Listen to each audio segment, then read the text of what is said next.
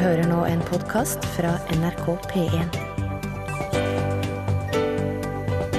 nrk.no skråstrek podkast. Det var Lonesome Town du hørte der. Det var Real Ones som spilte og sang, og det var Remi Samuelsen som avvikla eh, låten. Det gjorde du vel fra EDB da, Remi? Ja, det var god gammeldags EDB. Ja. Er det CD-er i bruk i studioet ditt i det hele tatt lenger? Lenge siden jeg ser dem, tror jeg. Ja. Hva gjør du hvis EDB-en ramler? Da synger vi manuelt. Da synger vi manuelt. Ok. Eh, da kan vi alle sammen håpe at det ikke skjer. Torfinn Borchhus, eh, har du gjort noen tiltak for å forhindre det? Nei, jeg, jeg jeg på min side er oppmuntrer til sang, jeg, faktisk. Ah, Ok. Ja. En, eh, og så har en god, gammel oral tradisjon hos folkene. En god gammel oral tradisjon. I alle fall, dette er Lunsj. Mitt navn er Rune Nilsson. Og det er ikke bare Raumabanen som fyller år i dag, faktisk. Fonografen fyller òg 135 år i dag. Og dette er et veldig klart og tydelig apropos til det som vi prater om akkurat nå. Og det er veldig relevant for oss. Kan jeg spørre hva en fonograf er?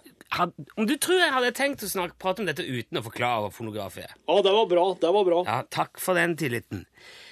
Hvis ikke Thomas Edison hadde funnet opp hvordan man kan ta opp og spille av lyd på en fonograf, så hadde det blitt veldig mye prating på radioen. Det er det vel ingen tvil om.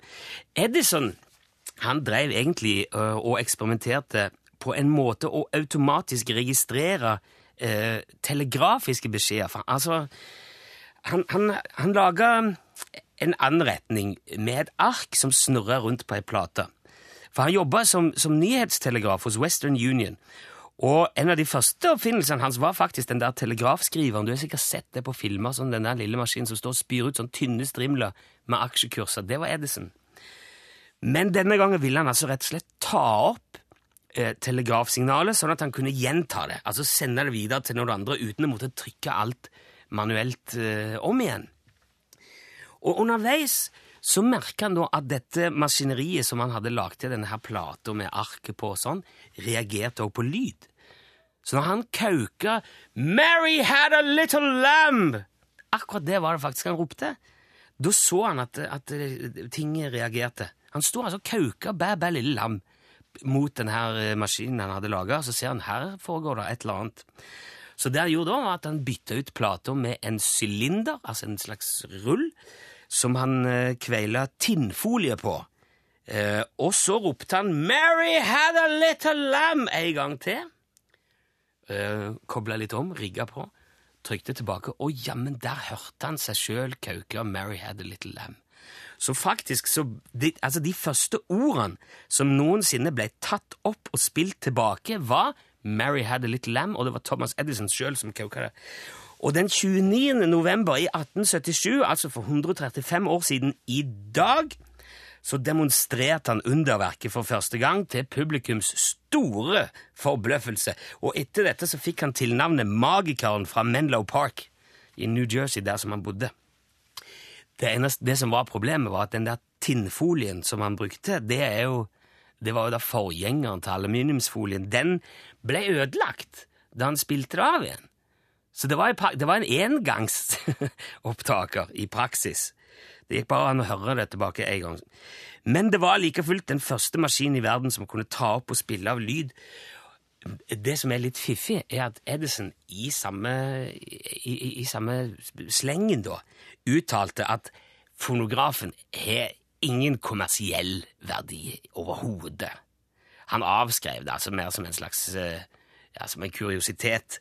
Og jeg tror nok at hvis han hadde sett hele omfanget av det han starta den gangen for 135 år siden, så ville han nok muligens dementert det akkurat en liten smule. ja. Sjølveste Mods! Vi to går alltid alene. Hæ, Torfinn? Mods Ja. på P1. Jeg har ikke så mye forhold til det. Beste band bandet i verden. Oi, så ille det ja. Ja, det er okay. minst. Du, I går her i lunsj så kunne du høre Jan Olsen fortelle, altså vår påstått samiske venn, fortelle at han har skaffa seg rein. Ja. Han, altså han driver og viser Orions belte og en Fleksnes-episode for reinsdyrene sine Ja. på, på utsida eh, hjemme. Det låter jo veldig eksotisk og uvanlig, Ja. vil jeg si. Men etter at, etter at dette var på radioen i går, så fikk vi et tips uh, om at det fins faktisk en annen kino òg som har reinsdyr som publikum rett som det er. Og det er Iskinoen i Kautokeino. Og vi har med på telefonen Linda Øverli Nilsen. Hallo, Linda. Hei sann, hei sann. Hei. Du jobber, du på Thon hotell Kautokeino. Det stemmer, det.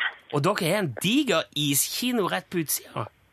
Ja, vi har det. Vi har faktisk verdens eneste drive-in snøscooterkino. Og den er svær. Den er svær. Hvordan, hvordan kom dere på det? Du, det her, til her i Kautokeino, det her er jo en vinterdestinasjon, ikke sant? Og vi har Ja. veldig lange tradisjoner, annet i en påskefestival. Så det startet med at vi hadde en filmfestival som, eh, som trengte en arena for å vise film. Eh, og de startet de å bygge en iskino for å kunne vise utendørs. sant? Det er jo spektakulært her med både nordlys og kulde. Eh, Så er det sånn at vi på Thon hotell da, har, eh, har tatt denne ideen litt videre. da, Og, eh, og forstørra det her en god del. Så det vi bygger opp nå, er noe som heter Ice Adventure. Og det er jo da verdens eneste drive-in snøscooterkino. Men det er også scene og catwalk for både konserter og motorshow og eventer og kickoffs. Det er en ja. Ja, det er launch, det er snøhuler for overnatting, det er utstillingsarealer. Det er, og det ligger midt på toppen av Kautokeino. I Og fantastisk omgivelse. Og alt er, og alt er is. Jeg Alt er is. Fortrinnsvis, fortrinnsvis vinterklær det viser på catwalken. da, tenker jeg. Ja, vi viser, vi viser litt av hvert. Ja. Vi er jo ganske tøffe her oppe. Ja, ja, ja, det har jeg skjønt. Men jeg, jeg, jeg har sett noen bilder av denne her svære kinoplassen, og der er det, der er jo reinsdyr, slede og masse folk som ser film. Er, så dere har så jevnlig reinsdyr som publikum òg? Ja, ja, ja. Her kommer man kjørende inn med reinsdyrslede. Så kan man sitte på reinsleden, og reinsdyrene står og hviler og spiser litt, ikke sant. Mens man kan nyte film og eventuelt konsert og det som er. Ja. Har dere òg opplevd, som Jan Olsen fortalte i går, at reinsdyrene begynner å løpe i ring og, kaste opp litt og ramle over på sida når de ser film? Nei, vi har vel egentlig ikke det. Ikke okay. enda. Men hva, hva slags filmer viser dere? Er det, er det sånn åpen for Er det kino hver kveld, eller kan man bare kjøpe billett og gå på kino? og- Ja, altså vi kommer til å vise jevnlig, og de filmene som vi kommer til å vise den vinteren her som faste innslag, det er Kautokeino-opprøret av Nils Gaup og Ah, ja. Veiviseren, som også er av Nils Gaup. Han er okay. jo en Kautogutt, så det er klart at vi må, må vise frem. Jo, jeg ser jo den. Mm. Men du, vi har jo med oss nå mannen som tipser oss eh, om dette her. Det er Thomas Orderud. Han eh, jobber for Design Eyes. Er du der, Thomas? Jeg er her. Ja. Det du, du er på utsida av hotellet eh, eh, hos Linda nå og driver og bygger denne kinoen. Ja, jeg driver nå på fjerde uka vi og bygger. Men hvordan, hvordan gjør du det?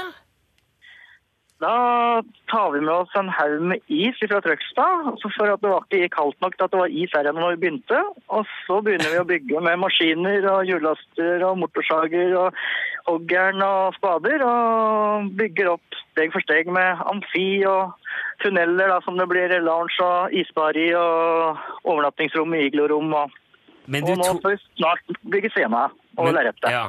Men du tok med isen fra, fra Trøgstad? Ja, vi har veldig fin is i Trøgstad. Ja, det er, jo, det, er som, det, det er jo som å ta med fisk på fisketur. Det er jo eh, Du må ta med is til Kautokeino. Linda, har jo ikke is? Jo da, nå har vi is i massevis. Ja, okay. Nå er det kjempekaldt og full vinter. Men- vi starta jo for en stund siden. Ja, men kan du ikke, Er det sånn du må ha spesiell is til det, Thomas? Eller kan, du kan ikke bare gå i, i tjernet og hente, liksom? Det er veldig stor forskjell på isen rundt omkring, men de har veldig bra is her i Kautokeino òg, oppe på elva, når den fryser til. Så vi skal ta opp det nå på mandag, tenker jeg. Men uh, vi har, jeg, det er grunnen til at jeg har is og Trøgstad, er at vi har et lager på 400 kvadratmeter. Så vi har plass til oppunder 1000 kubikkmeter med is, som vi skjærer da i februar-mars, og har, eh, så kunne levere annet hit, da. Ja, for Det er jobben din å bygge ting i is. Ja, det har blitt det. Ja, ok. Men eh, hva, hva annet har du laga? Vi bygger eh, snøhoteller og kirker og skulpturer, kjempestore i snø og is, og små og enkle borddekorasjoner til f.eks. julebord og brylluper. Ja. Ja, veldig, veldig, veldig variert. Det må jo være forferdelig deprimerende å bare se alt smelte sammen og eh, ramle i hop. Hver gang du er laget, jo større og flottere det blir, jo mer raser det sammen. liksom. Jo, det er sant, men det er jo en utrolig fin forretningsmodell da, når kunden er fornøyd, for det må jo bygges neste vinter. ja! Du må lage nytt hvert år. Er det- er Men så dere lager, Linda lager kinoen hvert år, da? Ja, vi lager den hvert år. Eh, Så den kan man komme og besøke her i Kautokeino hver vinter. Okay. Og Den skal være klar fra, fra januar, og så står den til snøen smelter. Og det er jo ikke før ute i, ut i april, i slutten av april. Ja, ok. Men dette, det, du blir jo feit og fin av det, du, Thomas. Det er jo Ja, bare, så, bare sommeren kommer, så når vi slipper å jobbe så hardt. når, når står årets kino ferdig, Thomas? Er i hvert fall 18. januar, men uh, det blir nok mulig, mulig å vise film litt tidligere enn det òg. Ja, ok. Men da, da, da, da vet du om det. Nå er det ikke bare Jan Olsen som har egen iskino. Hvis du vil se film på is, så kan du gjøre det i Kautokeino. Linda og Thomas, tusen takk for at dere var med og fortalte om det.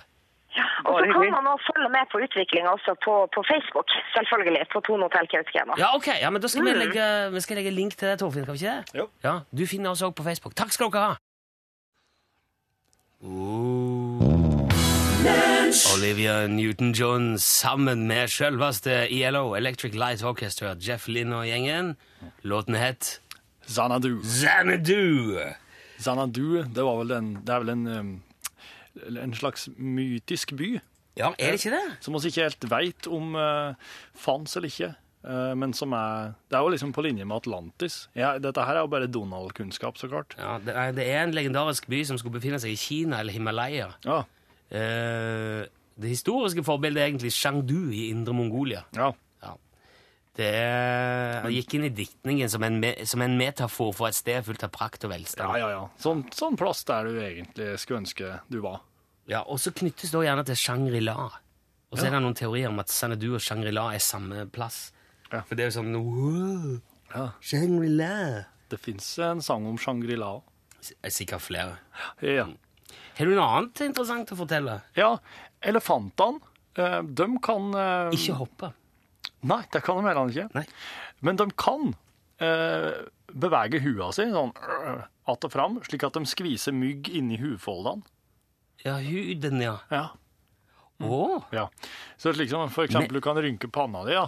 Så kan elefanten gjøre det med hele hua si over ryggen og på sidene, slik at den skviser irriterende insekt inni der. Men hvordan ser han ut, den myggen som eh, klarer å perforere elefanthud? Eh, ja, det er en, som en en, vanlig norsk hakkespett. Ja, nei, ok. Så sitter han. Nei, jeg vet Ja, ikke. for Det det- jo, men han er jo Det er jo uh... De er jo tilpasningsdyktige, myggen òg. Ja. Ja, de sitter sikkert på neshorn og flodhesten òg. Jeg tenker hvis, hvis, du lander, hvis du lander på en elefant og er mygg, Ja. så tenker du sikkert hva er det her for Åh, jeg havna på en elefant igjen. Ja. Nei, jeg stikker og finner en sebra. Altså, dette her gidder jeg ikke. Ja, det tror jeg. Tipper jeg han hadde sagt, da. Ja, på sikt så vil det nok bli sånn når elefantene har lært seg trikset der. Mm. Apropos hopping, ja. Eh, Kenguruer kan jo hoppe. Og emuen kan hoppe. Emuen? Ja. Altså den uh, Struts Light? Ja. ja. Eh, de kan hoppe begge to, men de kan ikke hoppe baklengs. De kan bare hoppe framover eller rett opp. Og begge to er Australia sine nasjonaldyr. Og de er to? Ja, de har to. Det er veldig mange land som har flere nasjonaldyr. Oh, ja. Hva har oss? Ikke fossekallen. Det er i hvert fall nasjonalfuglen. Elgen Elgen, ja. er nasjonaldyret vårt. Så det er elg og fossekall. Ja, ja fossekallen den er i så fall litt sånn uoffisiell, da. For elgen som er en Det offisiell er nasjonalfuglen. Er fossekallen. Elgen er visst nasjonaldyret vårt. Ja. Eh, for, ja, ja, ok, men det er jo ikke noen grunn til å krangle om det. Jeg tror vi er rett begge to. Ok, kan Men det at de ikke kan hoppe baklengs, er det noe eh... Ja, det står for, det, det står for Australia sin framoverrettethet. Ja, men det jeg mener er, kan, kan man forvente det, at dyr skal kunne hoppe baklengs? Han kan, skulle kunne forvente det. Veldig mange andre dyr som kan det. Ja, er det det? Ja, ja. Er ikke det egentlig bare katten som kan det? Nei. Hunden kan hoppe baklengs, den. Ja, kanskje hvis han gidder, men det tror jeg ikke han, det tror han gjør veldig sjelden. Ja, nei, men det er, det er liksom det viktigste er at den kan hvis den vil, hvis den liksom, gidder. ja, det er jo defensivt. Det, det er jo, altså, Ja. Signaleffekten i å drive og hoppe baklengs er jo veldig Ja, ja, ja, ja. Nei, det er ikke noe bra med, med det. Nei. Jeg er ikke så overraska over den, faktisk. Ok, ta den her, da. Stegosaurusen.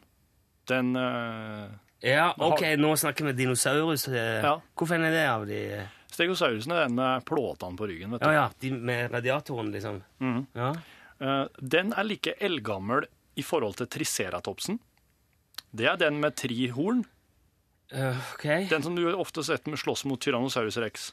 Ja. Det ser ut som, som en Det er neshorn. neshorn med tre, Ja, tre horn. tre horn. Okay. To i panna, én på noe Stegosaurusen er like eldgammel i forhold til triceratopsen som triceratopsen er til oss.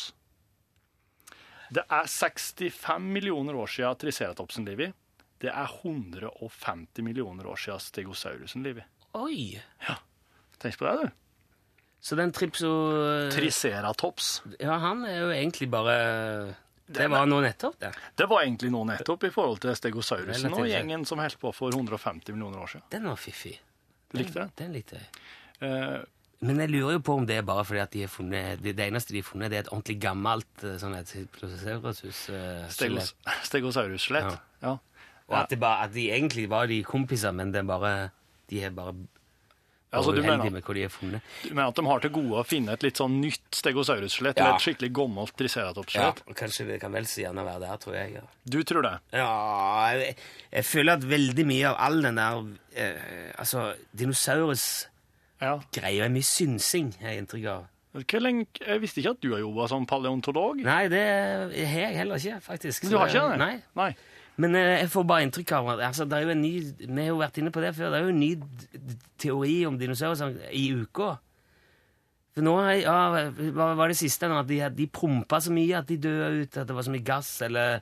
Og så Ja. er det at de eh, snubla i gjørma. eller Det er jo Det virker som hvem som helst kan bare si hva de vil om de. Jo, men det er ingen som kan sjekke det. det men som kan- akkurat hvordan de døde ut, den, den skjønner jeg litt. Den kan det sikkert være litt verre å bli enig om. Men det å datere bein, det er jo ganske Det er jo karbon 14. Det karbon 14, ja. Ok. Nei, men eh, jeg lar tvilen komme deg til gode.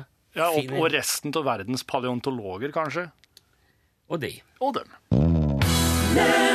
På denne tida av året er det veldig vanlig at radio og TV og aviser og sånn får tak i eh, spåfolk, spådamer og spåmenn, for å fortelle hva som kommer til å skje i det kommende året. Vil 2013 bli et bra eller dårlig år? Hvordan går det med økonomien? Eh, Kongefamilien, eh, stortingsvalget er det jo til høsten, hvem vinner fotballserien, alle de tingene der. Og vi har jo også kontakt med den uforlignelige Madame Rosa, som jeg har pratet med før, og nå har jeg ringt hun opp. Jeg tenkte vi kunne ta dette før alle andre begynner med sine spådommer, så er vi først ute her i lunsj. Er du med oss, Madame Rosa? Hall Denne tjenesten koster 849 kroner minuttet fra du får svar. Vennligst vent på svar. det, Velkommen til Madame Rosa! Fantastisk klarsynt verden på telefon. Jeg ser deg, din skjebne, din liv, din døden, din kjærligheten. Hva er din spørsmål? hallo? Hallo? Ha, hallo, dette er Rune Nilsson fra Lunsj på NRK P1 igjen. Jeg vet det. Eh, jeg ha, hadde tenkt du kanskje kunne hjelpe oss med å spå litt om neste år. Eh, det er jo snart jul. Vi skal over i 2013. Jeg ser, jeg ser. Det er en ulykkeår. Et ulykke... Vil neste år bli et ulykkesår? Veldig ulykke for folk. Det blir vanskelig. Hvorfor uh, hva, hva skjer? Hvorfor det? Det er nummer 13. Og, Ah, ja, det er tre, ok, ulykkestallet 13. Men ikke alle får ulykke. Du kan også få stor lykke, penger, helse, kjærligheten banker på. Du forventer ingenting. Hvem er det du snakker om nå her? Det er, Din kjærligheten! Jeg, jeg er veldig lykkelig gift. Dette har vi jo snakket om før. Det er ikke meg det gjelder. Kan du si noe eh, for eksempel om kongefamilien? Hva skjer med deg i 2013? Å ja, jeg ser, jeg ser en reise. Det kommer en reise til langt borte med en stor skip. Ja. Kongen gjør jo nesten ikke noe annet enn å reise. Det, det er vel ikke akkurat uh... Men det vil komme en tid for litt vanskelig. Det er kanskje helse, det er kanskje syk. Oi, vil kongen bli syk? Kanskje konge, kanskje dronning, kanskje noen som kjenner nærme konge og dronning enn menneske eller dyr. Litt generelt, dette her, da. Veldig syk på periode, etterpå frisk. Ja, Så det går bra, altså? Det Noen ganger bra, andre ganger dårlig veldig. Eh, Det er jo stortingsvalg òg neste år, madam. Hvordan går det? Blir, får vi regjeringsskifte i, i, til neste år? Den valg blir veldig likt. Mange likt, ikke så mange. Stor forskjell. Dette skjønner jeg ikke Hva mener du? Jeg ser, jeg ser.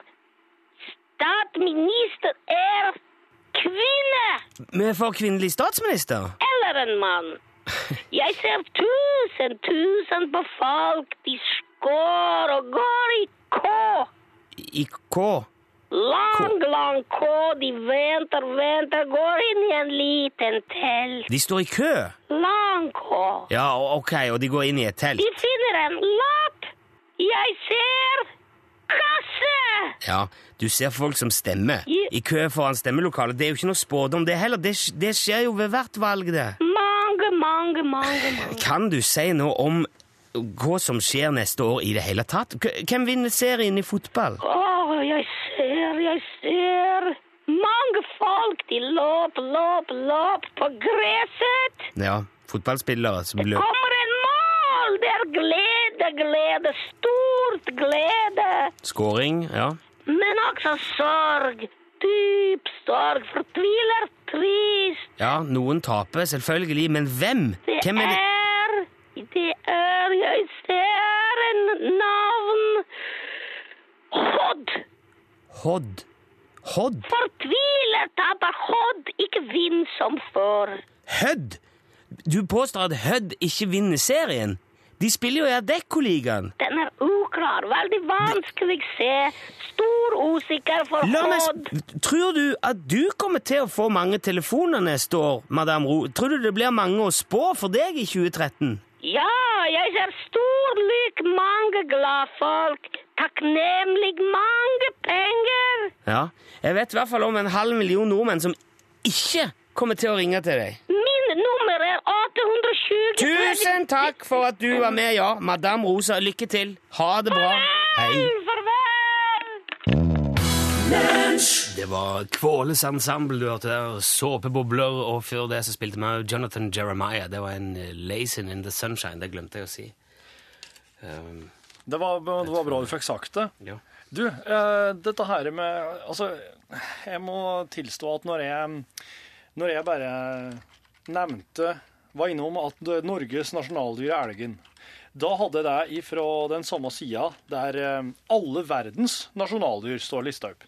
Og det er på Wikipedia, den engelske Wikipediaens Wikipediaen liste over verdens nasjonaldyr. Han er, på, den norske òg, men her står det jo at Norge er løve i, I riksvåpenet. At, At, det, at, det er, at det er nasjonaldyret, Ja. liksom. Ja. Det ville jo være veldig tullete. Da deler oss i så fall eh, nasjonaldyr med Danmark, for eksempel. For de har òg løve i sitt. Jeg tror det er veldig mange som har løve. Løve og Ja. ørn. Albania har ørn med to hoder, for eksempel. Ja, det er tohugge. Ja. Ja. Og, det, og, da, og da, med en gang du har ørn med to hoder, så vet du at enten foregår det noe veldig rart i Albania, sånn på jevna, Ja. eller så er det ikke representativt Nei. for, for faunaen i landet. Og for, for Det er vel egentlig ikke løve i Norge heller, det. Nei, det, det, det det som er kanskje en gang så var det det. Det vet jeg ikke. Men iallfall Ja, er sånn- Australia sitt våpenskjold har kenguru og emu i våpenskjoldet. Altså, de, er, de står er- der ja. og ser mot hverandre på hver sin side av kransen. Og um, Det er ikke løve i England heller. Ikke i Finland heller. Der har de jo løve. Og jeg ser det at altså Fossekallen, som du sa i stad, Rune, det er sant det. Den er Norges nasjonalfugl. Ja, ja. Den ble kåra til nasjonalfuglen etter ei avstemning i et radioprogram her i P1. Da ble oh, ja, den offisielt det. For at folk tror det er kongeørn, noen tror det er løva, ja, eh, mens jeg trodde det var elg, og så er det noen som påstår at fjordingen, eller fjordhesten, er Norges nasjonaldyr. Men det er ikke noe offisielt. Det er bare løva i riksvåpenet. Og jeg lurer på har, A. Har oss et nasjonaldyr, bare at det er ingen som har oppdatert noe informasjon om det? Eller er det slik at rett og slett kanskje nå skal lunsj få sjansen til, Til å, å vise samfunnsansvar? Oh! Til å kåre Norges nasjonaldyr. Kan vi gjøre det, ja? Hvis et annet radioprogram har gjort det, så ser jeg ikke noen grunn til at ikke oss skal gjøre det. Men uh, gjelder ikke, gjelder ikke fugl? Er ikke det et dyr? Er det en fugl? Den står som nasjonalfugl. Ja, men Ja, altså, Fuglen er jo et dyr, ja. men, men det står som Ja, nasjonalfugl. men altså, kanskje, at, den, at den går At den gjelder som dyr òg, eller at det ja, ja, altså kanskje. Men jeg, jeg syns at uh, Oskar Jarl vi, For det er greit det der med elgen, som du sa. Den er jo uh, veldig mye brukt, men jeg har følelsen av at uh, kanskje mest av tyskere på bobiler. Ja. Det, det, at det er der på en måte som gjennomslagskraften til elgene har virkelig ja. oppnådd noe der. Eller, Ja. for, ja. Og det er ikke nødvendigvis betyr at uh, Det er jo mange andre som er elg. Canada er jo masse elg og Det er kanskje at kanskje Canada faktisk har elg som nasjonaldyr. Nei, de er ikke det. De har bever. ja, det er sant. Det kan jeg se her. Ok. Ja, men eh, da, da eh, Nei, men kan ikke, det, det Vi skal sjekke dette, da. Ja. Og hvis det viser seg det at uh, kongeriket Norge, Ja. Altså Norges rikeste land i 2012, ikke har et eget nasjonaldyr, Ja. så skal vi, må vi jo gjøre noe med det. Da, og da skal oss gjøre noe med det. Dette er jo P1. Jeg tror vi, vi har kåret fuglen, så hvorfor ikke dyret? Yep. Greit. Uh, vi tar med oss det. Tusen takk for alle innspill. Vi skal, skal greie ut for det. Nå skal vi høre Fun og Some Nights, og etterpå det så blir det tid for en av dere til å ringe. Hold an litt. Ikke ennå. Du skal få all informasjon etter Fun her. Some Nights heter låten, og det var Fun som spilte sang. Da er det på tide at noen andre skal få fortelle noe. Det kan være hva som helst. Det kan være artig, det kan være interessant. Det kan være noe om uh, nasjonaldyr en eller annen plass. En dinosaur. Torfinn. Ja, gjerne det. Å, det er ikke en dinosaur som nasjonaldyr. ja, det går. Eh, hvis du har et eller annet du vil fortelle og, og, og komme gjennom, så kan du vinne en Utslagsnes Transport og Skarv skyggelue. Japp. Eh, Førstemann til mølla kommer rett inn, så vær klar for Nummeret jeg tenkte jeg skulle si var 815 21 031. Men det er jo hyggelig at du ble huska. Det er deg, det er deg. Nå skal vi se at vi kan si hallo, hallo. Hallo. Hallo, hvem har vi med oss nå? Ja, er Robert Rønning. Hei, Robert. Hei. Så hyggelig at du ringte, Robert. Ja, det var koselig å komme gjennom. Du, hvor ringer du fra? Jeg er fra Rendalen. Rendalen. Ja. Er det åssen er føret? Her er det bart. Ja, det er ikke frost eller noe, det, er- det er helt fint? Ja, kjempefint, sa du. Ja, for jeg opplever at av og til så kan det være litt skummelt å kjøre gjennom skogene, eh, at det blir litt eh, glatt og, og veldig kaldt. Nei da, det er eh, Vi skal ikke så langt unna før det finnes snø, men akkurat rundt nede i dalbøtten her er det bart. Ja, men det er godt å høre. Ja. Eh, vi skulle jo ikke snakke om været, regner jeg med, Robert. Nei. Nei. Nei. Hva har du tenkt å fortelle? Nei, jeg skal fortelle en historie som skjedde oppe i Rønnan her for en, ja, det er vel en 25-30 år siden, kanskje. Jaha. Det var eh, fire karer som var på skauen og bygde en skogsbilvei. En vei? Ja, Ja, ja. det var tre litt yngre, og så var det en litt eldre. Og det var sendt på høsten og kaldt, så de gikk i like varmedresser med like store hetter på, vet du. Ja, ja, ja. Og så um, skulle man ha matpause, så de sette seg inn i, inn i bilen og fyre opp den, for å ha det varmt. Når man der etter den, så måtte den eldste måtte så voldsomt på do. Og nå har vi nok kommet langt opp i renna men det er jo liksom ikke vannklosett under hver busk. Nei. Nei. Så han, eh, han måtte jo ut i naturen. Ja. Han gikk nå og var borte veldig lenge, og så kom han igjen. Sette seg inn i bilen igjen, og så yngre kara så på den, for det lufter jo skit over hele bilen. Nei. Så sier han igjen at eh, «Se meg, har du gjort i buksa her? Nei, nei, det hadde han ikke gjort. Men om jeg så nærmere etter, så damp det til hetta hans. Så hadde han ikke, da hadde han ikke fått dreie, dreie he- hetta langt nok under seg, så han hadde jo lagt hele ladningen oppi der. Nei, nei, nei. Ja, ja, oss måler tomler i været. ja. Ja, det er bra. Tommel opp, ja. Å, stakkars mann. Det er jo ikke Uff. Ja, den var veldig fin. Veldig ekkel og veldig fin, Robert. Tusen takk skal du ha. Du må holde, du må holde den i, og vi må få adressen din. Robert. Ja, takk. Tusen takk. The Lion Sleeps Tonight eh, var det The Tokens som spilte sang her. Eh, Vazelina Bilopphøggers har jo også gjort den. Da heter han 'Gjedda kjem på Vingrom i kveld'. Eh, den er òg veldig fin. Mange som har sendt inn forslag til nasjonaldyr allerede. Bygdedyret, lemen, flått, eh, skarv. Ja, skarv, ja. ja. Men det er jo en fugl igjen, så det er Jeg foreslår jeg faktisk kaller deg nå reinsdyret. Reinsdyr, ja. Ja, for det er, det er ingen andre som har, og det er, Er det ikke det? Ingen andre land som har reinsdyr som det nasjonaldyr. Å, nei, som, som nasjonaldyr, ja. Ja, det er andre land som har reinsdyr, ja. ja, ja. Ja, nei, det, jeg trodde det finnes bare her. Da hadde det ikke vært så mye å prate om. Men så spør jeg òg Kristin, har dere glemt slimålen? Nei, den har jeg ikke glemt. Den ble jo kåra til nasjonal fisk i 1982. Det var Per Hafslund som holdt på med det. Og vet du hva, jeg var på sånn messe en gang og sett Per Hafslund spise slimål. Eirik Kjos, har du eh, sett det? Nei, det, og jeg tror kanskje jeg vil betakke meg for den slags matretter og assosiasjoner. Han reiste rundt, og så hadde han med seg en pøs med slimål. Hva Pøs? Ja, ei. Bøtte. Og så tok han den opp, og så, for slimålen er sånn at hvis han blir trua, så skiller han ut masse slim. Så først så putta Hafslund dette her i kjeften, og så sto han og Og der og det øh, Est ut, vet du. Nå er det godt at lunsjen er over. Men så, bare, jo, så dyppa han bare slimålen i noe vann. Og så tok han den og så spiste han, og da gikk det helt fint. Ja, sushi- varmt vann, forvel han, eller noe sånt. Sushi-slimål. En slags form for sushi light. Fantastiske greier. Per Hafslund, han, eh, det var en opplevelse. Han var kul. Han var kul, han.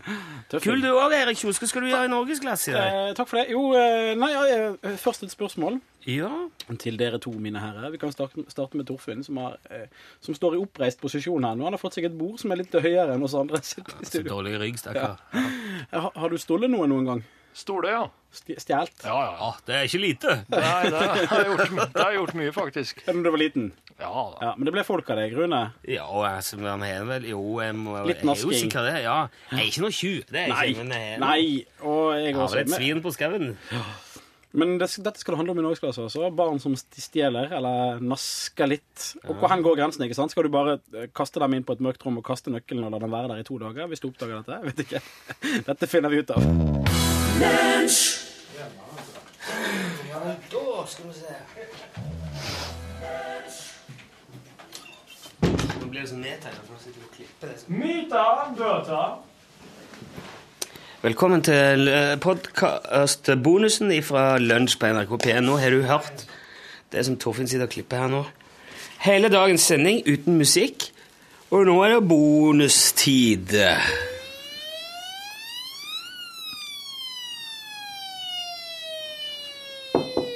Det er bonuspolitiet. Åpne opp. Ja, what? Hører du lager en, hører du lager en bonus her som ikke er godkjent av eh, Pedo. Den er god. Pedo? Pedo, ja. Interesseorganisasjonen for all tekst og uttale og tale i Norge. Her har du ikke lov til. Aha, nå ser jeg hvor Ja, du trenger ikke ha noe å gjøre med bokstavene. Det heter pedo. Ja. Har vi bestemt. Jeg forstår. Vi bestemmer alt du all, vi, vi forvalter alt du sier og står for. Oi, det var ikke så maskingevær. Det var godt å få drept han jævla pedoen der. Fordi at eh, jeg syns ja, forvaltningsorganene de kan bare ha seg til. Nei, ikke alle, men Ja. noen jeg, er veldig, jeg liker jo veldig godt deg, noen av de. Du liker veldig godt Nuntra.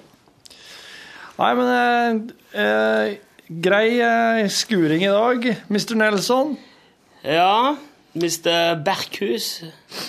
Berkhus, sier du? Berkhus?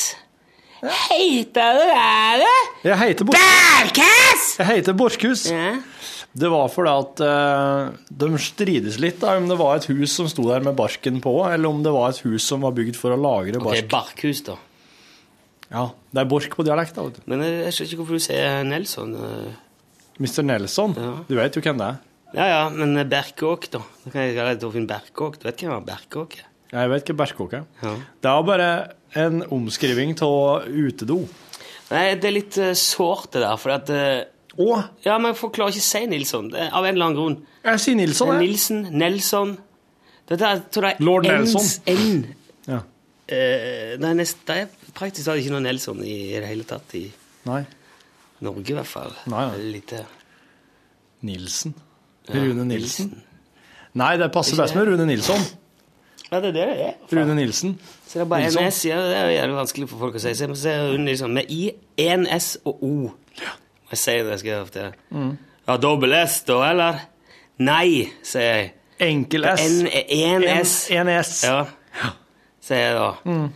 Det er jo uh, Altså, jeg tror annenhver henvisning til noe jeg har drevet med på NRK, det er Ja. to S-er. Ja. Ja, der skjønner jeg Skriver mail til Nils med dobbel S, kommer det ikke fram. Jeg skjønner ikke at det skal være så jævla vanskelig. Det er bare fordi at uh, alle de som er svenske, setter Nilsson skriver med dobbel S. Det er for- Det er, det er Men jeg er ikke svensk. Forutinntatthet. Hører du det? Til og med du hører det, at jeg ikke er svensk. Jeg hører veldig godt. Ja. Er Jeg kjenner at den svenske når jeg hører den, ja. ja. Sånn som han Bosse. Uh, Bosse var svensk, ja. Han er svensk, han. ja. Hører jeg Altså, godt. bare litt for svensk, han. Han var slitsom. Mulig jeg er litt sånn språkfeinschmecker, da, men jeg kjenner at den svenske, ja. Kjenner du igjen en danske hvis jeg hadde Jeg kjenner- satt foten igjen? Kjenner at den danske. Finne. Finne hadde jeg kjent at, ja. Færøying hadde jeg jo kjent at jeg har hørt forskjell på en færøying og en islending. du? Ja, Ja, det er ikke verst. jeg har vært på Færøyene. Spilt teater. Hva syns du du- Å! Ja, Sett opp en variant av Torkjell Barfrost-spelet der. Nå er du er sant. igjen. det er sant, Nå er du ute du igjen. Nei, det er sant. Nå er du ute på jeg spilte Spilt Sigmund Bresteson, en av færøyinghøvdingens Hva sønner. heter hotell, hotell, hotell eh, teatertruppen din? Nei, det er noe slik lokalt lag fra oppi Folldalen, det, da. Ja, hva heter det? Nei, jeg heter ikke noe. Det er liksom når du, når du Hva sto det på plakaten på Samfunnshuset på Færøyene når dere skulle spille dette? Nei, det vet jeg ikke. Spille om Torkjell Barfrost. Nei, Spelum Torkjell Turafrost, sto det vel. Tura Frost? Ja. Men med hvem, liksom? Ja, sånn Svein Borchhus, han er jo ordfører i Alvdal nå. Han var med og var sjølveste Torkjell Barfrost. Jaha. Og så var han eh, sønnen hans, eh, Lars Borchhus, var med og var eh, Tore Beineson. Jeg var Sigmund Bresteson. Eh, Anne Sletten var med, hun var vel eh, Var han med ei som ikke heter Borchhus? Altså? Ja, Anders Sletten. ja, så var det Det var med ei til som ikke heter Borchhus òg, faktisk. Det tror jeg ikke noe på. Men dette her er jo noe som borchhusingene har Er det mye innavl oppi Dalolen her? Nei. Slutta med det, for at, uh, du så jo ikke det bare. Så han eh, siste som var ordentlig god på slurva, han, han er død nå. God på slurva, det er Ja. det som er. Og så har ikke banjo, vet du, i, eh, Nei. nei, i Men Distrikts-Norge. er det en del eldre, eldre snålinger? Hva? Ja, mye originaler. Jeg tror at veldig mange av originalene ble originaler fordi de kanskje var skaphomo. De kom ikke ut i skåpet og ble bare slike einstøinger. Og da ble de rarere og rarere. vet du, Bodde på egen hånd og ble einstøing, skikkelig einstøing. Ja. Blir bare rarere til å bo for seg sjøl. Det eh, jeg det var mye mer eh, originaler før, ja. Ja. Vet, eh, vet ikke om jeg har fortalt om det, hvordan, eh, hvordan det var i Egersund? Hvordan det var i Egersund, Ja. det har jeg hørt en god del om. Og det var mye løgninger i Egersund, vet du. Lø. Løgninger. Hva er det for noe? Nei. Originaler. Ja, veldig mye originaler. Veldig mye Ja. folk som eh, med, Ja, som har en eller annen ø, psykisk skavank, kan du kanskje si, da. ja. For etter at eh, Altså, Tyskland kom jo veldig fort til Egersund. Ja. Veldig sentral havn. veldig... Ja. Altså, man, de kom der Det var 9. april. ja. Ja, første det ikke, de sto ikke på døra på, Folldalen 9. april. Det Nei, tok, dæven han. men det gjorde de der. Og så lagde de en svær forlegning i Egersund, på Slettebø, som het Bakkebø. Ja. Svær bakkeby med masse hus og bygninger og Ja. Masse administrasjon. Mye som foregikk. Mye tysk, tysk aktivitet. Mye til tyske ting. Ja. Og når de svinene ble jaga etter krigen, så sto jo alt det igjen. Og så ble det etter hvert gjort om til en sentral institusjon for psykisk utviklingshemma. Å ja. Så da sendte folk sine psykiske utviklingshemma fra Helleland til Egersund. Ja. de der. ja. Uh, Så det var veldig, en veldig høy andel Ja. mennesker med psykisk utviklingshemming ja. eh, rundt oss når vi vokste opp. da. Vi er veldig vant til det. Men dette her var jo da folk som kom dit, og så var de der en stund, og så kanskje etter hvert så begynte de å bo på egen hånd i Egersund og sånn, eller? Ja, altså det, det er jo ikke før eh, på 90-tallet det ble HVPU-reform og sånn, og folk skulle liksom bo alene og greier, og da var det veldig mange som på ingen måte ville det. Eh, det er jo fantastisk å bo på Bakkebø. Det er jo eh, Ja. det er som en, det er en by i byen. Det er egen kirke, det er gymsal, det er festsal, det er vaskeri og kjøkken og masse forskjellige boliger og alles alle Altså, det er sånn tenkelige behov, det er liksom. ikke sånn at det henger svastikaer overalt, og jernørner, Nei, det er ikke noe det. det er ikke sånn naziby. Tatt, tatt vekk det. Ja. Men uh, det er veldig koselig å gå i kirka julaften på, i Bakkebø kirke. Eh, Bakkebykirka. Det høres jo ut som eh, Astrid Lindgren-greier. Ja, ja, det.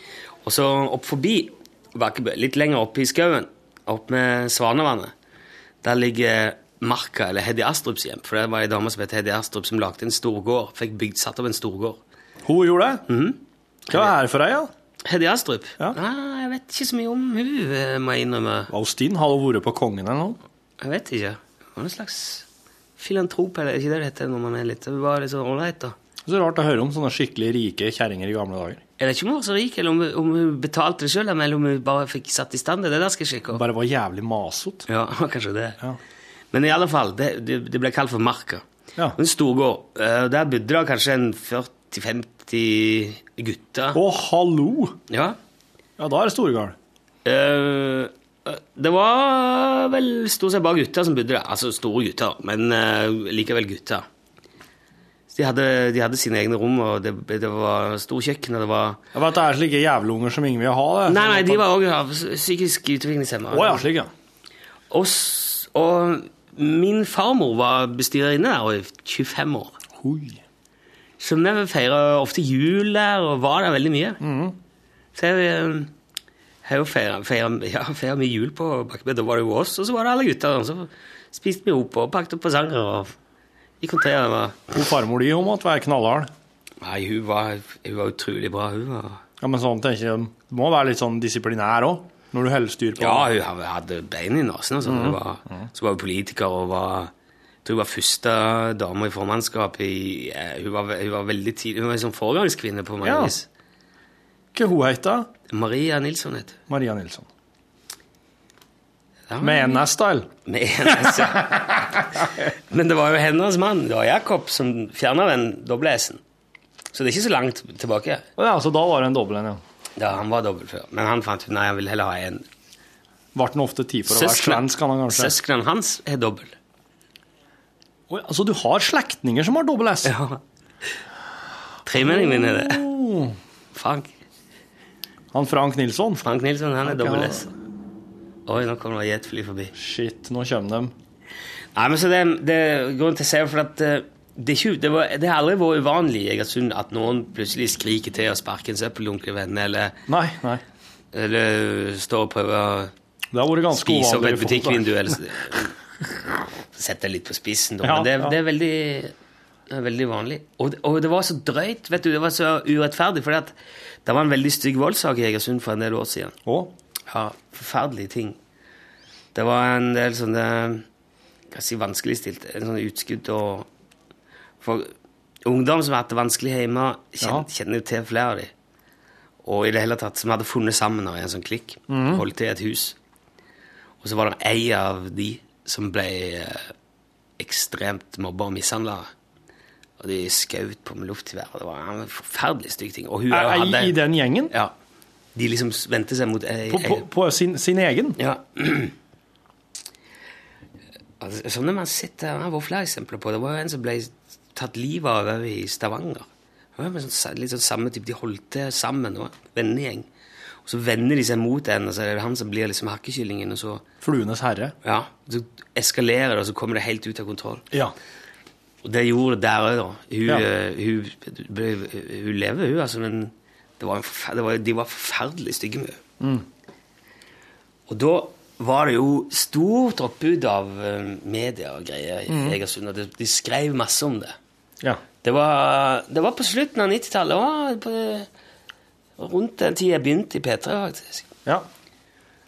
Og da husker jeg det sto i VG eller Dagbladet at Egersund hadde den høyeste andelen psykisk eh, tilbakestående innbyggere av alle byer i hele landet. Å ja, du mente at det hadde noe med saken å gjøre? Nei, jeg vet ikke, men det ble i hvert fall presentert som bare som et vilkårlig random fact.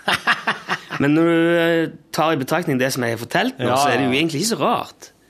For veldig mange av de har blitt buende og er, bor der fortsatt og Ja, ja. har hele nettverket og alle vennene sine der. Ja, jeg hører dem si det er en fin by. Ja, det er det. Det er det. En by for litt spesielt interesserte, kanskje. Men, altså en liten, men, men men når du kommer derfra, så er det kjempeflott. Jeg må bli med dit en gang. Ja visst, pokker må du det. Kan, Jeg har hørt så mye om det. Du må jo bli med til Folldal nå. ja, det jeg jo ikke heller vært. Jeg har bare kjørt forbi. Jeg har ikke engang kjørt forbi jeg. Så Nei, det det er ikke en sånn plass du kjører forbi heller, for det er ingenting annet der enn Egersund. Jeg har vært Du kjører forbi, du kjører kanskje Helleland. Hvis du kjører Kristiansand-Stavanger, så passerer du Helleland. Det ligger i Egersund kommune, men du er du er liksom ikke, du kjører ikke ned til byen. Du Du må ta av E39, og så må du kjøre liksom en mil eller to ned ei mil. eller vel. Du vet, jeg har liksom vært ned til Kragerø, og så har jeg vært ned til Husnes på vestsida. Mm. Og så det er hele det området hele det sørdelen av Norge. Sørvest, egentlig. Ja. er, ja, men er- folk er eh, drar ikke dit. Folk drar ikke dit. Veldig mange som sier det. Jeg må innrømme Ja, at jeg jeg har, tenkt å, jeg har tenkt at jeg må først og fremst nordover. Det må jeg òg. Jeg har vært i Tromsø og Bodø nå. Mm. Men jeg har liksom ikke gjort eh, Jeg har ikke kjørt liksom nordover. Nei. Det har liksom aldri blitt det. Flytta til Trondheim og bodde der, og så blir det liksom til at eh, For det Jeg kommer jo søren og så Ja. Jeg jobber i Oslo Det er jo liksom blitt Oslo-Trondheim som har vært. ja. Men fy søren, Tromsø liker jeg veldig godt. Det har jeg vært noen ganger. Men Ja. jeg har jo liksom bare flydd opp landet der, vært der, flydd hjem. En, Altså, jeg har lyst til å dra mye lenger nå. Jeg har lyst til å dra til Kautokeino på Is kino. Jeg har lyst til å dra til ja. Karasjok og Vardø og liksom Ja. Kirkenes og sånn. Skal vi Ja, gjøre det? Ja. Det har jeg lyst til å ha som et prosjekt eh, til neste år. Ja. Forå på plasser. Gjerne der vi har distriktskontorer, da. Ja. Ha sending derfra. En gang i uka. En gang i uka. Nei, en gang i måneden. En gang i måneden. En gang i måneden er kanskje mer. Åh, ikke uke, nei. Åh, reise hver uke. Nei, fy fader. Jeg misunner ikke dem som må reise hver uke i jobben. Det er han Thomas som vi snakket om i dag, som var oppe og bygde i kino. Ja. Kommer fra Trøgstad. Og han var fire uker nå og bygd. Ja. Skulle vært ute i januar. Ja. Eller holde på, liksom. Mm. Kanskje han reiser hjem litt innimellom, men ja. det er jo lenge å være vekke fra. En kompis av meg har jo vært med og bygd et sånn eh, replika til Osebergskipet. Han har holdt på med det i tre eller fire år nå. Pendla att og fram eh, mellom eh, Trøndelag og var i Østfold. De bygde det. Å ja. Men er det det som var ferdig nå? Ja. Altså, ble, det ble skippa ut i uh, Tønsberg? Ja, Tror det var det, ja. jeg er usikker, usikker på om det, var, om det er den båten der, eller om det faktisk er en annen. Om det er to båter som ble bygd parallelt, dette her nå. Egentlig sånne replikker til gamle ja. For det var en som ble i hvert fall satt på vannet i Tønsberg i år. Ja, ja. Men sånn og, Kongen var der vel og alt mulig. Kongen var der, vet du. Kongen liker jo vikingskip. Hvis du vil ha kongen på besøk, så lag et vikingskip. Et skikkelig stort et. Kommer han med i gang. Ja, det gjør han. Men det tar mange år. Ja, men hvis du vil ha kongen på besøk, så må du forberede deg på å jobbe en del år. Altså. Kanskje kommer kongen. Så er ikke kongen på besøk Er i du, studio. er du, før du, også. har ikke møtt kongen? Nei. Det er ikke jeg heller. Jeg tror jeg har vært i Jeg har stått liksom uh, under vinkt og på Ja. Men uh, vi har jo ikke akkurat inntrykk på folk i den settingen. Nei. Jeg har ikke møtt noen av de der. Jeg har ikke knapt nok sett de live. Mm, nei. Nei, når jeg var på jeg var i militæret, var jeg på Akershus festning, og da hendte det seg at de kjørte forbi. Men egentlig Altså, ja, ja. Jo- jeg, føler meg Jeg har møtt så mange sånne kjendiser, sånn, føler jeg. Nå jobber med, sånn, jobb med radio og TV sånn, i, i mange år. Intervjuer her og der, og får på prisutdelinger i alle tenkelige sånne Men de der har jeg aldri møtt. Ja, men de, de jobber jo har møtt alt fra Jahn Teigen til Wenche Myhre og Jens Stoltenberg og Du har møtt Jens Stoltenberg, ja? Ja, ja, flere ganger. Hvorfor det? Nei, intervjua han og Du har intervjua Jens Stoltenberg? Ja, jeg har møtt han i Mark og hilsa på. Ja, han var jo statsminister, for faen. Jeg I P3 og Ja, men du har ikke OK, når du jobba i Kaliber, da? Nei, P3 Morgen hadde vi han på Han var Da var han på besøk gjesteprogramlederen P3 Morgen, hele ja. ja. Men var han, da var han ikke statsminister? Uh, kanskje, Jeg var kanskje ikke det da, nei. Nei, ja, men jeg, nå snakker han som statsminister, tror jeg. Men jeg mener, altså, de fleste, de fleste sånne er jo ikke I hvert fall i den typen jobb som er, så møter du jo mange av de rett som det er. Ja. Man gjør jo det. Det, det er jo ministre og popstjerner og TV-kjendiser. Jeg har vært ganske forskåna for dette her. Ok. Ja. Jeg, jeg, jeg har ikke akkurat løpt etter det heller, men det blir jo, det blir jo til sånn. Ja. Men ikke de der, eh, ikke de kongelige gjengene. Aldri vært borti. Jeg hadde, vet du, jeg hadde en leilighet uh, i Oslo som Da var jeg nabo med kunstnerleiligheten til dronning Sonja. Oh. Hun, hun hadde en leilighet på, som lå i gården på andre sida av, av bakover. Altså Ja. Tilstøtende, samme kvartal. Så jeg skulle stå og se, se rett opp om det var lys, om det var folk der. Ah, ja. Og Der bodde Märtha Louise og Ari Behn en periode. ja vel, ja. Der, da var jeg nabo med, faktisk. Hey. Og da så jeg jo av og til at det kom Jo, jeg, jo da så jeg jo Hun kom faktisk med bil inn i bakgården og gikk ut og gikk inn selve dronninga. Det sto jeg og så. hun sjøl? for seg Ja. selv? Jeg har jo ikke møtt henne for det. Og eh, en kveld Vi hadde besøk. Og eh, så hadde jeg Jeg tror jeg hadde sittet og jobbet Da var, da var Satt du og jobba når du hadde besøk? Det er så uforskamma. Nei, jeg hadde vært ute. Og så eh, skulle jeg legge meg til å sove i studioet mitt, fordi at jeg ville ikke vekke Det hadde vært sånn våkenatt. Ungen, altså, Eldstemann var ganske liten, Jaha. så han lå inne med fruen. Så jeg ville ikke forstyrre deg, så jeg tenkte ja, da legger jeg kukser bare her. Du var full, da. Nei, jeg tror ikke jeg var, jeg var ikke spesielt full. Jeg hadde kanskje hatt et par pinner, men jeg var ikke full, nei. Nei. Men så drev jeg og redde opp der, og så plutselig så sier det BOOM! Et jævlig drønn nå. Oi. Uh, og så hva faen var det? Ikke sant? Jeg Kikket ut i bakgården, for da var jeg i et rom som hadde vindu ut, ut mot den bakgården. Så bakgården som Vindu mot bakgården, ja. ja. Så ingenting. Og så gikk jeg ut på andre sida. Det var en svær leilighet. dette. Det var 200 kvadrat midt på Majorstua. Og gjennomgående som hadde liksom vindu ut mot gata og vindu mot bakgården. Mm. Jeg så ingenting. Jeg gikk ikke inn i eh, der tante og, og hennes eh, og søskenbarna av Martha lå. Jeg gikk ikke inn der med Så gikk jeg tilbake i det rommet som jeg skulle sove i, og så kikket jeg ut vinduet, så ser jeg sånn eh, oransje skjær i vinduene til bakgården der som, i samme gården som Sonja hadde i. Oi. Brann det? Ja, det brant som bare faen, vet du. I kunstnerleiligheta til Sonja? Nei, nei, ikke Men eh, jeg kunne ikke se det. Jeg, så, jeg lente meg liksom fram, men det var sånn påbygg på det huset vårt. Så det var liksom der. Men jeg, jeg, kunne ikke se om det brant i vårt hus, eller Nei. Jeg så bare gjenskinnet av det, for det var liksom i samme Ja. bygning. da, så det ut som. Og så sprang jeg ut, vekte alle andre og sa Get up, fucking, det er et eller annet her. Kom, hold dere klar.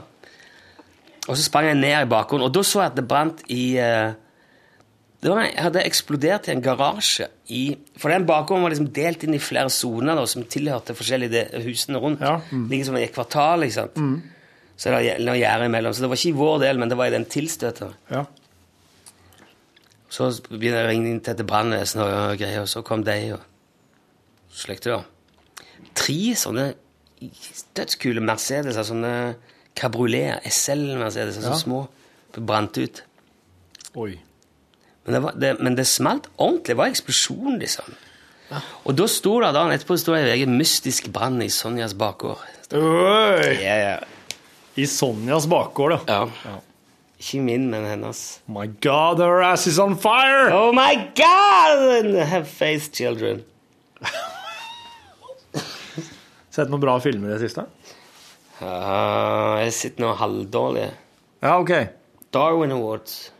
Darwin Awards, ja. Det er en dokumentar, er ikke det? Nei, det er en fiksjon med Winona Ryder. og- Å, herregud. Handler det altså om med, folk som er så dumme at de tar livet av seg sjøl, Ja, omtrent? ja, ja. Det var noen fiffige med han. eh, Det er en fyr som er sånn et et politietterfor... Altså en profiler. Ja. Men så har han en tilstand som gjør at han besvimer hver gang han ser blod. Ja. Så han får sparken. Det er veldig dumt for en sånn åstedsgransker å Ja, besvime med en gang ser blod. Det er det. Og så går setter han i gang med går han til et forsikringsselskap, og så får han begynne å etterforske det der. Han som fester rakettmotor på bilen, f.eks. Og jeg tror Ja. det er genuine tilfeller de har tatt utgangspunkt i. Jeg har jo kosa meg mye med Darwin Awards nettsida, for der, der er jo ting fra virkeligheten Ja. som folk har gjort, som virkelig er sånn at du, du gjør noe så dumt at du ikke tenker at du kommer til å dø av det. Ja. Og i sånn måte så Ja, ja, jf. Darwin sin teori, da. Du går under fordi du ikke er overlevelsesdyktig. Ja, ja, det, på en måte tjener menneskeheten at de forsvinner. Ja. Survival of the fittest. Han som hadde kjøpt seg en ny bil og var på isfiske, og så skulle de sprenge hull i isen, og så springer bikkja og henter dynamitten. Og springer under bilen. Og så, og så leverer han jo inn forsikringskrav ja. På er bilen stjålet, eller hva det ja, altså. Det var Dar- mange sånne. Darwin sa visstnok aldri 'survival of the fittest'. Han, oh, sa Eller altså Han sa 'survival of the den mest overlevelse eller tilpasningsdyktige'. Ja. Survival of the most adaptable. Ja, adaptables. Survival of the adaptables. Survival of the adaptables. The Adaptables! Er ikke det en bra superheltserie? Jo, det høres ut som en film av Wes Henderson. Mm. Som for øvrig han er jo bra. Nå har den siste den der uh, fullmånesolnedgang, eller Moonrise Kingdom. Ja. Den har jeg kjøpt. Den er, den er kommet ut på Ja, har du sett den da? Ja, jeg, så, jeg har den på kino, men jeg kjøper den. Ja, du var den på kino, ja. ja. Ja, den er fin, den. Men jeg har ikke sett den nye James Bond ennå. Nei, ikke jeg heller.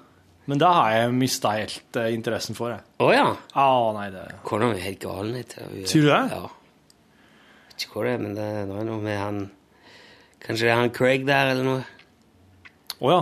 Pistoler og sånn. ja. Du og han Daniel Craig er litt sånn snarlig. ja. Takk for det. Tror jeg ikke han hadde sagt. Men Ja, det er han. han Kameraten min Vegard sa at uh, han syntes det var blitt litt mye nå. Jeg tror det var han som sa det. Ikke så kult lenger med James Bond. Det er liksom blitt for ekte.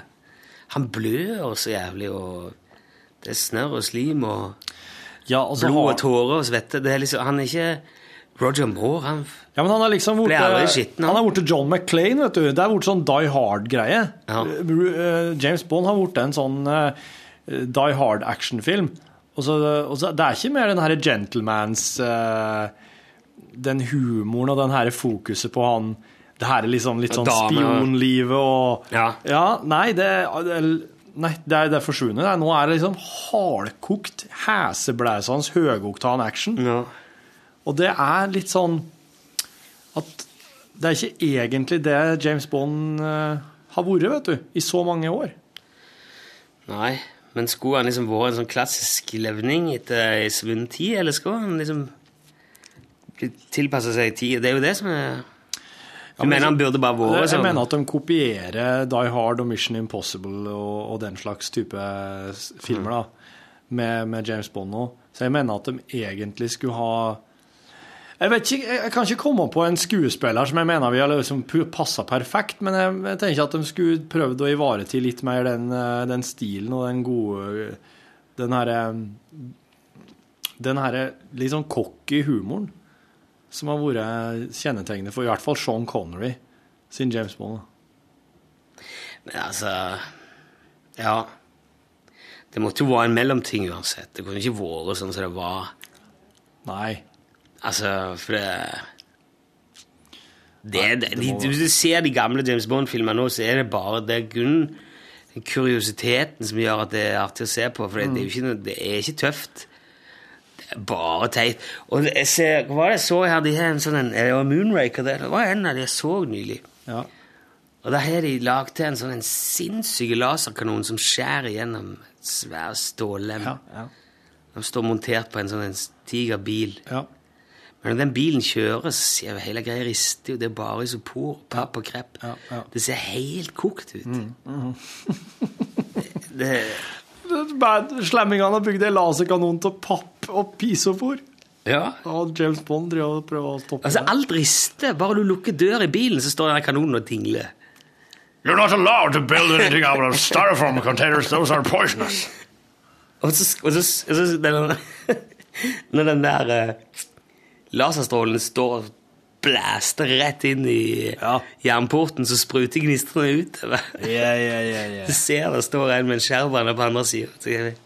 Those sparks are flying outwards. This is an outrage. Det er jo uh... Og han blir aldri skitten. Håret kommer aldri ut av plass. Nei. Det var jo noe med det. Han, han Craig, vet du, han er som en sånn Han er som en iskald huskyhund, han.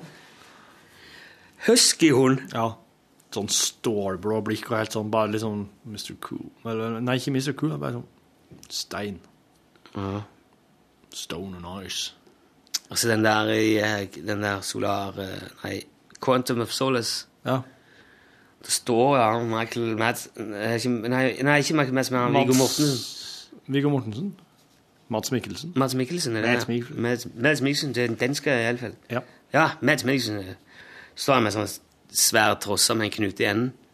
Så Slår han sånn wu, wu, Og så smeller han den der tauknuten opp i ballene på Mm. det, Hva er det for noe å holde på med James Bond? slår han i testiklene mens han sitter der naken liksom og Nei, det skriker? Ja. Skulle likt å sitte Roger Moore gjøre det. Ja. Tror ikke kanskje det, nei. Nei, jeg tror ikke det sånn. Nei. Det er jo det Jeg har spilt seg helt ut, det er sant det du sier der. Ja, de har, de har gått inn på andre actionfilmer sitt eh, territorie. Men det som er kult med det, er at de gjør jo alt. Ja. Det er ikke noe, eh, det er, det er ikke noe Commodore 64 som lager de der eh, Nei da, nei da. Der er det De hiver gravemaskiner utfor skyskrapere og gjør Ja. hele greia. De gjør alt, liksom. Gravemaskin utfor skyskraper. Ja, ja, du skjønner Det er så jævlig bra. Jeg ser for meg sånne gravemaskiner som har bygd seg opp. Plutselig så står gravemaskinen oppe der og bare Å, dæven. Nå igjen. Bygd seg opp på en skyskraper. Bygd skyskraperen mens den sto oppå her og ikke tenkt over at den kom til å ha et problem med å komme ned. Jeg så, eh, Du har sett Inception, vet du. Ja. Der òg gjør de alt. Ja. De, spreng, de, de fikser jo, toucher jo opp ting. Det er mye, sånn, det er mye dataeffekter, men de gjør, de gjør tingene. De slåss jo i en eh, i en gang som beveger seg rundt og rundt. Den, Mm. så han triller Ja. rundt sin egen akse. Ja. Det bygger de. Svær rigg med en hel hotellkorridor Ja. som står på trinse og hjul, Ja. og som snurrer rundt sin egen akse. Så driver de og slåss eh, sånn koreografert Ja, ja, ja. slåsskamp som går fra veggen til gulvet til taket.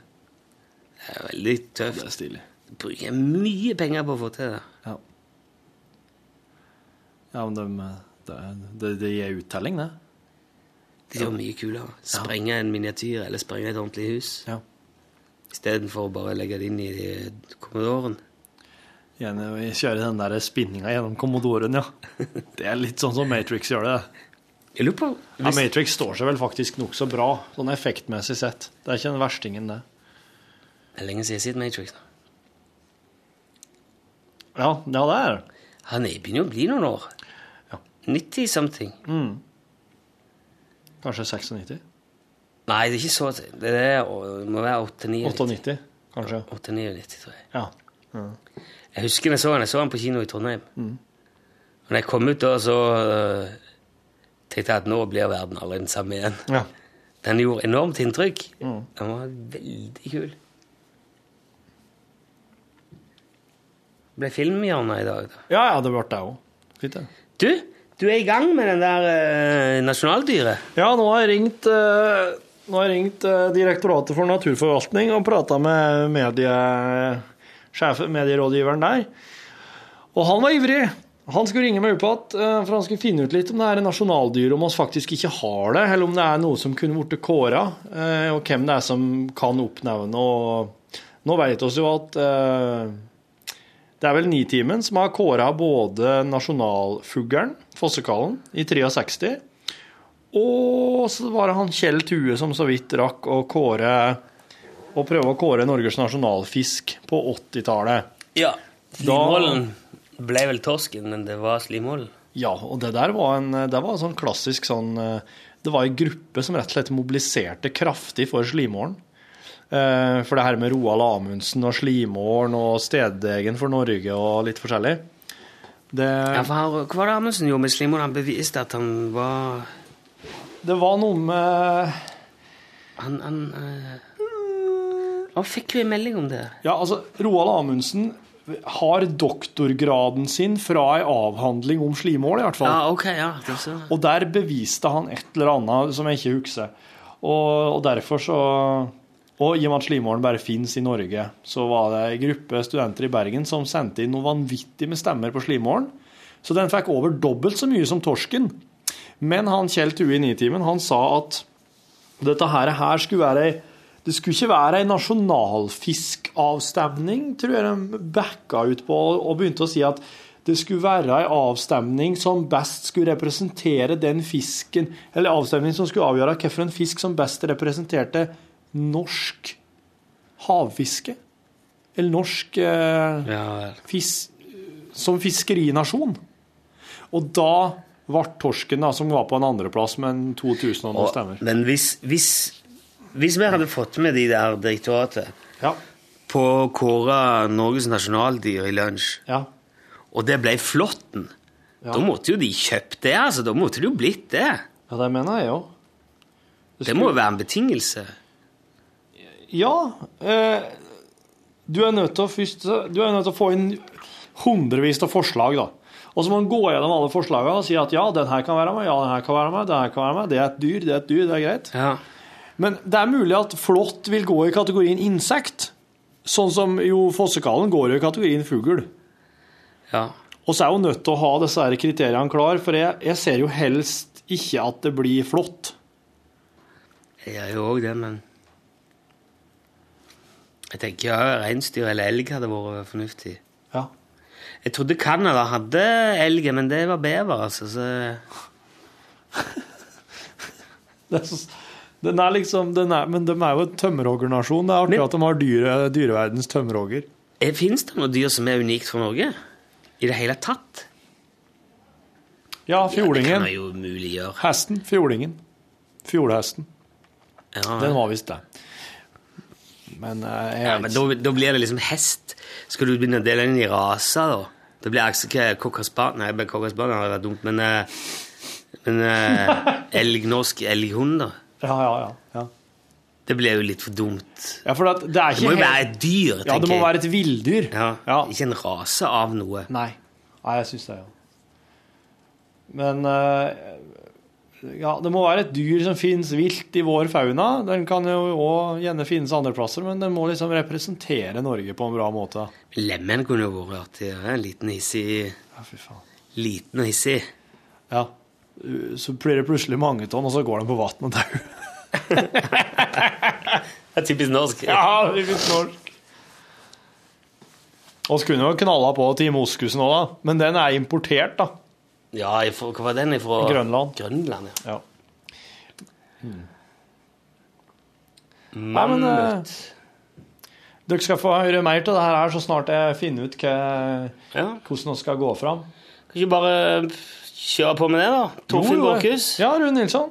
Bra. Her Og du? kan vi jobbe litt. Takk for at du har hørt på podkasten vår. Lunsj!